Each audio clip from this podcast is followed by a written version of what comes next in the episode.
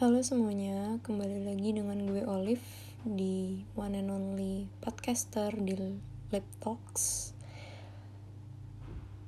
Gue bikin podcast ini jam 10 malam, jadi mohon maaf ya kalau suaranya volumenya agak rendah dan gue gak ngerti kenapa orang di luar ini agak rame padahal udah malam. ya, semoga suaranya gak terlalu ganggu kalian. Gue gak bikin skrip buat podcast ini karena emang tiba-tiba aja muncul idenya dan gue langsung bikin aja karena gue lagi nggak ada kegiatan terus biar idenya nggak hilang aja gitu. Topik pembicaraan gue malam ini adalah kenapa orang Indonesia suka dengan cerita pengkhianatan atau cerita perselingkuhan uh, seorang suami terhadap istrinya. Gue ulang, kenapa orang Indonesia suka dengan cerita pengkhianatan atau perselingkuhan seorang suami terhadap istrinya? Gue kepikiran buat bawa topik ini karena lagi rame di sosmed gue tentang web seriesnya Layangan Putus. Ini gue sambil buka Wikipedia ya, karena gue nggak nonton cuma gue ya itu rame banget di TikTok yang apa? Jadi impersonate Mbak Kinan ya Mbak Kinan. Terus yang main itu ada Putri Marino Reza Radian sama Anya Geraldine. Nah terus um, ini kan di web series ya? Web series yang orang butuh berlangganan dulu atau nonton di internet baru bisa bukan yang mudah diakses kayak tinggal nyalain TV terus udah tinggal ganti-ganti channel aja sesuai dengan yang lo mau gitu. Terus tapi ide ceritanya nggak jauh beda sama yang ada di TV gitu. Tapi itu yang rame. Gue nggak ngerti sih. Ya itu bikin gue penasaran jadinya. Kenapa orang Indonesia suka nonton yang kayak gitu? Nggak di TV nggak di series web, web series nggak di film yang rame kayak gitu. Be ya film nggak terlalu banyak sih yang ngangkat cerita kayak gini karena mungkin di film uh, lebih out of the box kali ya penulis penulisnya sutradaranya. Jadi nggak terlalu banyak uh, yang ceritanya kayak gini gitu. Cuma kenapa di sinetron TV maupun di web series ceritanya gini lagi gitu. Dan yang rame ini yang viral ini gitu terlepas dari siapa yang main ya dan gue nggak lihat actingnya gimana juga. Cuma kan kalau misalnya rame di impersonate berarti menurut orang itu bagus gitu kan. Tapi gue nggak uh, membahas tentang actingnya gue nggak bahas tentang uh, jalan ceritanya. Gue cuman bahas tentang ide ceritanya gitu. Ini gue liat di Wikipedia ya. Sinopsisnya adalah Kinan selalu merasa rumah tangganya adalah layangan dengan Aris dan dirinya sebagai tuan Kini, ia dihadapkan dengan kenyataan bahwa Aris memiliki kekasih lain di belakangnya, mengancam rumah tangganya menjadi layangan putus yang tak tentu arah. Ya, intinya kan perselingkuhan atau pengkhianatan kan. Karena istrinya tahu suaminya punya kekasih lain. Dan jujur terlepas dari ceritanya jalan ceritanya kayak gimana maksud gue ide ceritanya adalah tentang pengkhianatan atau perselingkuhan yang nyokap gue hampir setiap hari nonton itu di Indosiar. Gitu. Terlepas dari ceritanya di tengah dibikin ada yang mati ada yang sakit ada yang tobat ada yang hilang ada yang jadi baik ada yang jadi jahat gitu. Itu kayak hmm, idenya bakal kayak gitu gitu. Kalian pernah kalian tau gak sih uh, apa drama Korea The World of the Merit. Ya itu ya. Uh, The World of the Merit itu adalah salah satu drama Korea yang ide ceritanya kayak gitu juga gitu. Dan itu kan juga rame kan di Indonesia. Maksud gue uh, ada beberapa orang yang jadinya nggak pernah nonton drama Korea jadi nonton karena drama Korea tentang pengkhianatan atau perselingkuhan. Gitu loh jadi nggak terlepas dari uh, cerita di Indonesia mungkin kalau misalnya uh, kenapa di Indonesia tuh rame mungkin karena ya TV nyuguhinnya itu ya udah gue tonton itu gitu. Tapi enggak ini drama Korea yang lu harus lebih effort untuk download dramanya mungkin atau nyari dia di internet atau berlangganan di OTT terus lu harus baca subtitlenya atau nyari subtitlenya lagi lalu lu tonton uh, maraton atau lu harus nunggu setiap minggu untuk episode barunya itu kan lebih effort ya. Tapi banyak yang nonton gitu. Padahal ide ceritanya ya pengkhianatan atau perselingkuhan yang mungkin bukan mungkin sih maksudnya yang lu bisa lihat itu di Indosiar gitu loh. Bahkan di sinetron-sinetron yang episode panjang-panjang juga ada yang kayak gitu gitu loh kayak di SCTV bahkan drama Indonesia dengan rating yang sekarang lagi naik gitu kan Ikatan Cinta uh, apa ya ada perselingkuhannya juga gitu. Maksud gue nggak perselingkuhan juga sih apa ya? Eh ya ya pengkhianatan lah istrinya isi isi apa istilahnya gitu kan. Eh maksud gue kenapa orang Indonesia suka sama cerita-cerita kayak gitu? Terlepas dari drama itu Indonesia atau Korea terlepas siapa yang main terlepas akhir ceritanya kayak gimana gitu. Padahal menurut gue The World of the gue gue nonton The World of the Merit tapi gak sampai habis gitu karena pada um, tengahnya tuh menurut gue dragging gitu loh. Um, terus uh, akhir ceritanya juga menurut gue dan beberapa teman gue anti klimaks gitu kan di mana harusnya uh, tunggu gue lupa yang Chi Chui Chi Sun Woo Chi Sun Woo tuh yang Kim Hee E Kim Hee E itu pada akhirnya kan dia nggak jadi bareng sama mantan suaminya lagi atau sama temennya yang dokter itu kan. Nah terus akhirnya dia pergi sendiri jalan sendiri gitu kan. Menurut eh, pak itu nggak ya menurut gue menurut teman-teman gue itu nggak sesuai dengan ekspektasi mereka dan menurut gue gue juga berharap uh, dia punya ending yang cukup mengejutkan gitu. Cuma itu mungkin ending yang cukup untuk drama itu gitu karena udah terlalu banyak konflik di tengah eh di awal dan ya ada konflik juga di tengah gitu kan. Tapi orang-orang nonton. Ya berarti kan gini uh, alasan banyak orang termasuk gue saat ingin menikmati karya biasanya ada tiga sih ada tiga. Pertama gue suka sama pembawa karyanya entah itu pemain atau ya kalau musik berarti penyanyinya. Kedua um, gue merasa kualitinya bagus makanya gue mau menikmati itu terus gue mau menonton itu terus terutama ya series gitu kan berarti gue harus ngikutin beberapa episode gitu kan. Ketiga adalah karena itu relate. Karena itu relate sama kehidupan gue kehidupan orang-orang nah berarti kan kalau misalnya drama yang sering ditonton orang Indonesia adalah drama tentang perselingkuhan atau pengkhianatan nanti pilihannya tiga kan? Pertama ya kita coba bedah ya. Pertama kalau misalnya itu berasal dari pemainnya kita coba lihat dari uh, Indosiar gitu. Ya dia bukan series sih dia uh, cerita lepas gitu kan dua jam dua setengah jam. Tapi ide ceritanya kan sama kan dan itu ditayangin hampir setiap hari di Indosiar dengan pemain yang berbeda-beda. Walaupun ide ceritanya sama. Dan itu tetap tayang. Berarti kan bukan karena pemainnya kan. Karena pemainnya ganti-ganti filmnya tetap tetap tayang gitu kan. Yang kedua adalah quality. Kalau dari quality yang di sini menurut gue itu kayak uh, perjalanan ceritanya klimaksnya endingnya acting pemainnya gitu loh.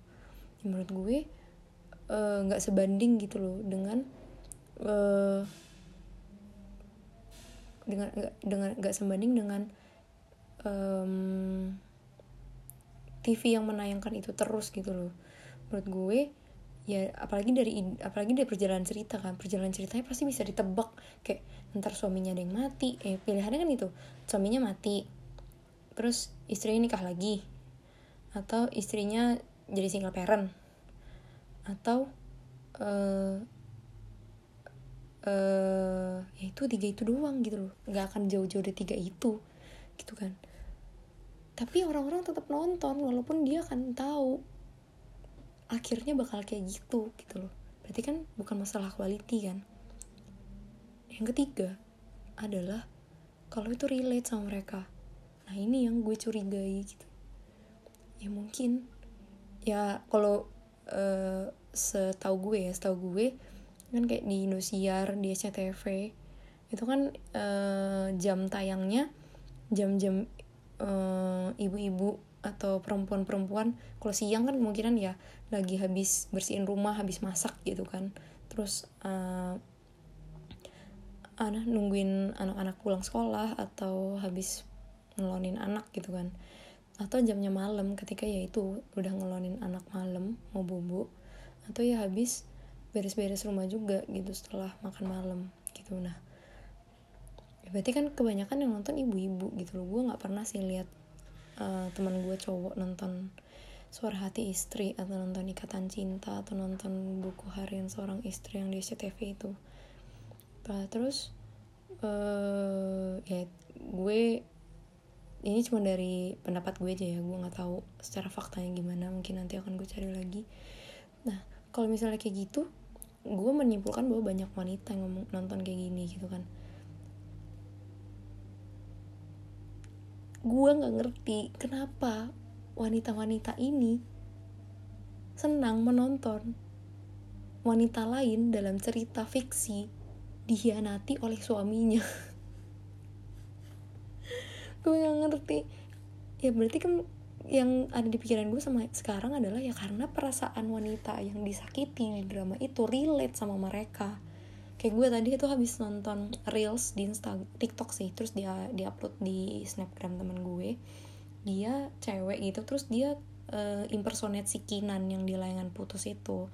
Yang kan lagi rame juga kan meme-memnya yang kayak apa itu mimpi itu mimpi aku mas bukan mimpi dia gitu. Terus atasnya ada apanya? Atasnya diubah gitu kan kata-katanya. Nah eh maksud gue uh, ya kalau misal yang kayak gitu kan berarti kalau misal sampai dibikin impersonationnya ya berarti itu relate kan sama mereka gitu. Walaupun gue masih nggak ngerti kenapa mereka sangat senang melihat uh, wanita lain dikhianati di drama. Ya kesimpulan gue adalah mungkin mereka relate sama ceritanya maka mereka bisa ngerasain perasaan kinan perasaannya wanita-wanita yang disakiti dan dikhianati suaminya di drama. Mungkin gue bukan salah satu wanita yang kayak gitu kali ya jadi gue nggak ngerti perasaannya gimana. Waktu gue nonton The World of the Married pun gue emosi. Tapi itu tidak membuat gue untuk tetap menonton itu gitu loh. Karena pada akhirnya gue eh, nggak uh, bisa relate sama perasaannya si si Jisunu di drama The World of the Married gitu loh. Dan ya di Korea juga bukan hanya itu kan drama perceraian banyak kok. Apalagi drama-drama makjang kayak Penthouse drama-drama opera sabun yang pagi-pagi kalau di Korea tuh yang dramanya sampai ratusan episode itu kan kebanyakan tentang pengkhianatan juga gitu loh tapi di Korea ya ini gue bandingin sama Korea karena gue nontonnya Korea gitu. Di Korea nggak semuanya itu berhasil gitu loh. Jadi uh, ya berarti kan pasarnya juga berbeda kan. Pasarnya di Korea nggak sem nggak banyak orang yang suka nonton tentang perceraian terus menerus gitu. Apalagi dramanya yang kayak gitu kebanyakan drama opera sabun yang pagi-pagi yang kemungkin yang secara data kemungkinan ya ibu-ibu yang nonton gitu kan. Nah walaupun itu ratingnya juga nggak yang bagus-bagus banget gitu loh. Bukan kayak drama yang slotnya dua hari per minggu kayak drama-drama yang biasa kita idolakan gitu kan. Itu sih jadi kenapa itu uh, bisa dengan cukup sering dipertontonkan dan cukup dinikmati. Maksud gue ada begitu banyak ide cerita yang bisa lebih istilah istilahnya lebih gila lebih out of the box dibanding tentang pengkhianatan dan perselingkuhan. Kalau misalnya kita beranjak eh, kita uh, melihat dari hukum ekonomi di mana ada demand di situlah supply berada kalau misalnya drama tentang pengkhianatan dan perselingkuhan itu masih banyak ya berarti kemungkinan demandnya ada. Berarti jadi masalah adalah demandnya ini gitu loh. Ini terlepas dari dra dari film ya. Kalau film mungkin mereka lebih out of the box karena pasarnya beda gitu kan. Ya orang pasarnya orang-orang yang mau bayar 30 ribu sampai 120 ribu untuk nonton itu di ruangan terus butuh effort juga mau apa mau mengeluarkan effort pergi ke bioskop gitu kan. Itu beda gue nggak bahas itu sih. Tapi ya di drama eh di film juga ada yang bahas kayak gitu juga gitu loh. Dan di film nah ini kalau di film justru uh, kalau ide ceritanya kayak gitu itu nggak nggak terlalu banyak peminatnya. Sedangkan kalau di TV atau di web series malah sekarang itu banyak yang nonton kan berarti pasarnya di sini yang perlu dipertanyakan. Gitu.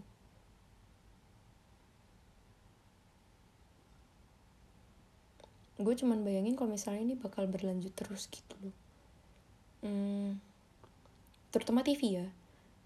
Gue membandingkannya dengan Korea karena gue banyak nonton acara Korea juga gitu kan. Kalau TV kita ini ceritanya gini-gini terus ya nggak berkembang gitu loh sebenarnya gue cukup tertarik sama drama ikatan cinta sih. Ya gue beberapa beberapa kali nonton. Um, karena menurut gue ide ceritanya cukup cukup out of the box walaupun sebenarnya perjalanannya pada akhirnya adalah sama gitu loh. Nah yang gue nggak suka dari drama atau TV di Indonesia adalah mereka sangat stick to rating gitu terlepas dari ide ceritanya gimana. Maksud gue ide ceritanya ikatan cinta tuh bagus gitu loh. Ya wajar waktu itu ratingnya tinggi banget gitu. Cuma yang gue rasakan sekarang adalah karena ratingnya bagus dan TV merasa banyak sponsor dia mempertahankan supaya drama itu ada terus gitu loh. Padahal harusnya drama itu udah selesai mungkin beberapa bulan yang lalu. Cuma jadi cerita dipanjang-panjangin supaya sponsor tetap masuk karena ratingnya bagus gitu loh dan ya kalau misalnya gue liat di, di Twitter juga banyak orang-orang yang merasa kayak ini drama ikatan cinta udah nggak kayak dulu gitu loh. Ide apa perjalanan ceritanya jadi dragging jadi malesin gitu loh. Jadi panjang-panjangin gitu. Ya karena itu usaha TV supaya tetap dapat rating. Nah itu yang menurut gue kayak hmm, uh, mencederai ceritanya itu sendiri gitu loh kan sayang ya. Maksudnya ide ceritanya bagus kalau misalnya itu akan diselesaikan dengan sesuai pada skrip yang awal lebih bagus menurut gua ya yuk terlepas dari rating. Cuma ya itulah Indonesia sangat stick to rating dan gua nggak ngerti kenapa gua nggak ngerti gimana algoritma rating TV ya. Gue belum lihat si Nielsen itu gimana caranya mereka melihat apa mengukur rating uh, acara TV tapi yang gue rasain uh, mau isi isi isi acaranya kayak gimana asal ratingnya bagus ya dicayangin terus gitu kan. Padahal kan rating uh, orang nonton TV itu bukan cuman dari ya itu tadi bukan cuman dari bobotnya gitu kan bukan cuman dari kualitasnya tapi karena dia suka sama seseorang atau dia merasa tuh relate gitu. Nah tentang orang yang muncul di TV-nya ini di acara ini juga bukan tentang suka doang gitu. Misalnya orang itu lagi istilah katanya viral ya balik lagi ke arah viral. Gue paling males sih dengan kata viral ini. Tapi ya algoritmanya gitu sekarang. Kalau misalnya lagi viral ya diundang di TV orang-orang jadi pengen tahu orang-orang jadi pengen nonton. Ratingnya naik. Ya TV bakal seneng gitu. Terlepas dari acaranya mau isinya kayak gimana eh, mereka nggak peduli pada akhirnya karena yang penting orang-orang nonton gitu. Ya salah satunya caranya dengan mengundang orang yang lagi viral gitu kan. Ya itu sih yang bikin gue dan mungkin banyak orang juga males jadi nonton TV Indonesia gitu. Ya mungkin situ dulu sih ini udah hampir 20 menit gue nggak ngerasa sih. Ini udah tag kedua soalnya lumayan juga ya. Ini udah nggak ribut lagi sih tapi udah udah seret. Terus uh, ya itu aja sih yang pengen gue bilang kayak akan sangat disayangkan kalau acara TV di Indonesia tuh bakal gitu terus gitu loh. Maaf itu orang sebelah kamar kos gue gue gak ngerti kenapa dia suka kayak gitu tiap malam. Ya udah itu aja sih. Semoga ini bisa uh, bikin eh membuat kalian juga lebih lebih apa ya? Lebih terhibur nggak terhibur juga lebih lebih mikir juga ya ngapain? Gue sebenarnya bingung sih. Cuma intinya sih kalau gue pribadi pengen ngomong ini supaya lebih lega aja gitu loh. Karena gue pertama males nulis jadi mending gue ngomong aja. Dan um, merasa lebih lega aja gitu loh. Ya semoga ini bisa uh, kalian dengerin dan mungkin bisa bikin kalian juga punya ide mungkin apa yang harus dilakukan ya mungkin kalian bekerja di sektor TV atau sektor film. Ya ini salah satu keresahan dari gue sebagai penikmat film dan TV di Indonesia.